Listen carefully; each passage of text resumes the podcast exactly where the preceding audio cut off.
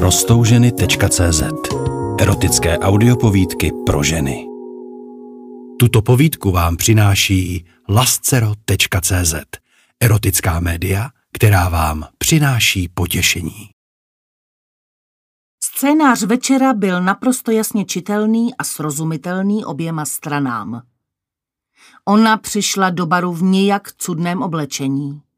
Dala si pár skleniček, seděla na baru a lehce znuděně se rozhlížela kolem. Byla zřetelně na lovu.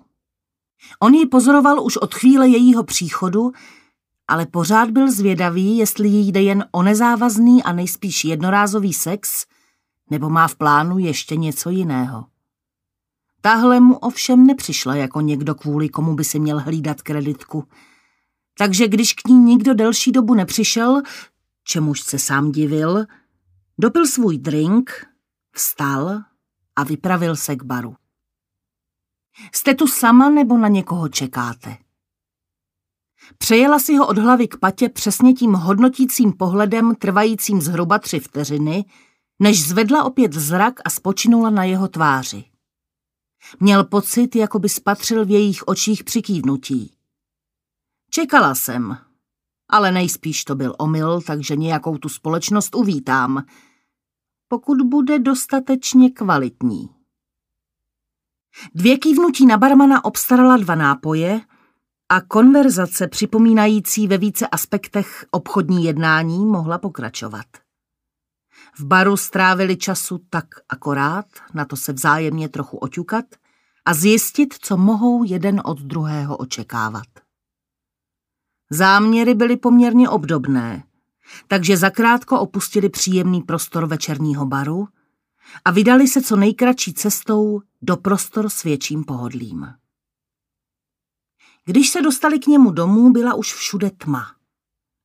Několika pohyby zapnul drobné osvětlení a tmavý obývací pokoj zaplnilo měkké, nádherně intimní světlo. Nepochybovala o tom, že není první osobou, která se sem tímto způsobem dostala. No co, aspoň bude vědět, co dělat. Dopadla uvolněně na pohovku a za moment se před ní objevila sklenka červeného. Měl dobrý odhad. Tady se asi museli dít věci, řekla tak do větru a rozhlížela se po místnosti. Možná tě překvapím, ale jednorázovky nejsou zase tolik můj koníček. Tedy nedělám si nějaké zářezy na pažbě, poznamenal, když si nalil panáka a posadil se vedle ní. Vlastně se to stává jen tehdy, pokud narazím na nějakou zajímavou situaci nebo osobu. Pousmála se, ovšem jeho uvolněný styl, zavánějící téměř nezájmem v ní, probudil zvědavost. Asi by tady krabici s kalhotkami fakt nenašla. Musela si připustit, že jí opravdu zaujal. Odložila sklenku a začala se s ním líbat. Vycházeli si mazlením vstříc, zajel jí do výstřihu a hrál si s tím, jak je snadné dostat se v jejich jednoduchých večerních šatech okamžitě na všechna místa a laskat ji. Položila si na sebe jeho ruce jako popruhy bezpečnostních pásů na horské dráze a nechala ho dělat, co ho napadlo. Jednu jeho ruku měla přes prsa, druhá se zabydlela v klíně. Vlnila se pod jeho doteky a předla jako kočka, která se rozkošnicky protahuje na sluníčku. Pak se přetočila a dopadla hlavou přímo do jeho klína. Zkušenýma rukama ho začala osvobozovat z kalhot a opravdu ji zajímalo, čím se jí za chvíli dostane až do nitra. Už mu trochu stál, jen chtěl ještě pořádně vytvrdit a neměl se absolutně za co stydět.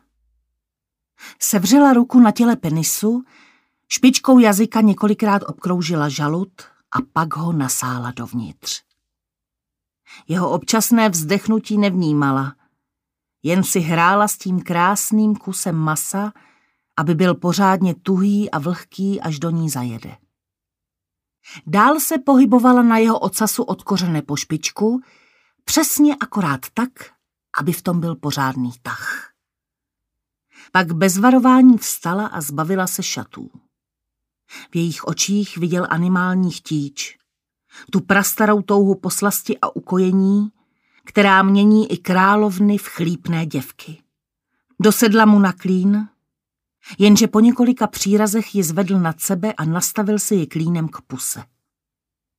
Začal ji olizovat a ona vzdychala tím nádherným, trochu zoufalým způsobem.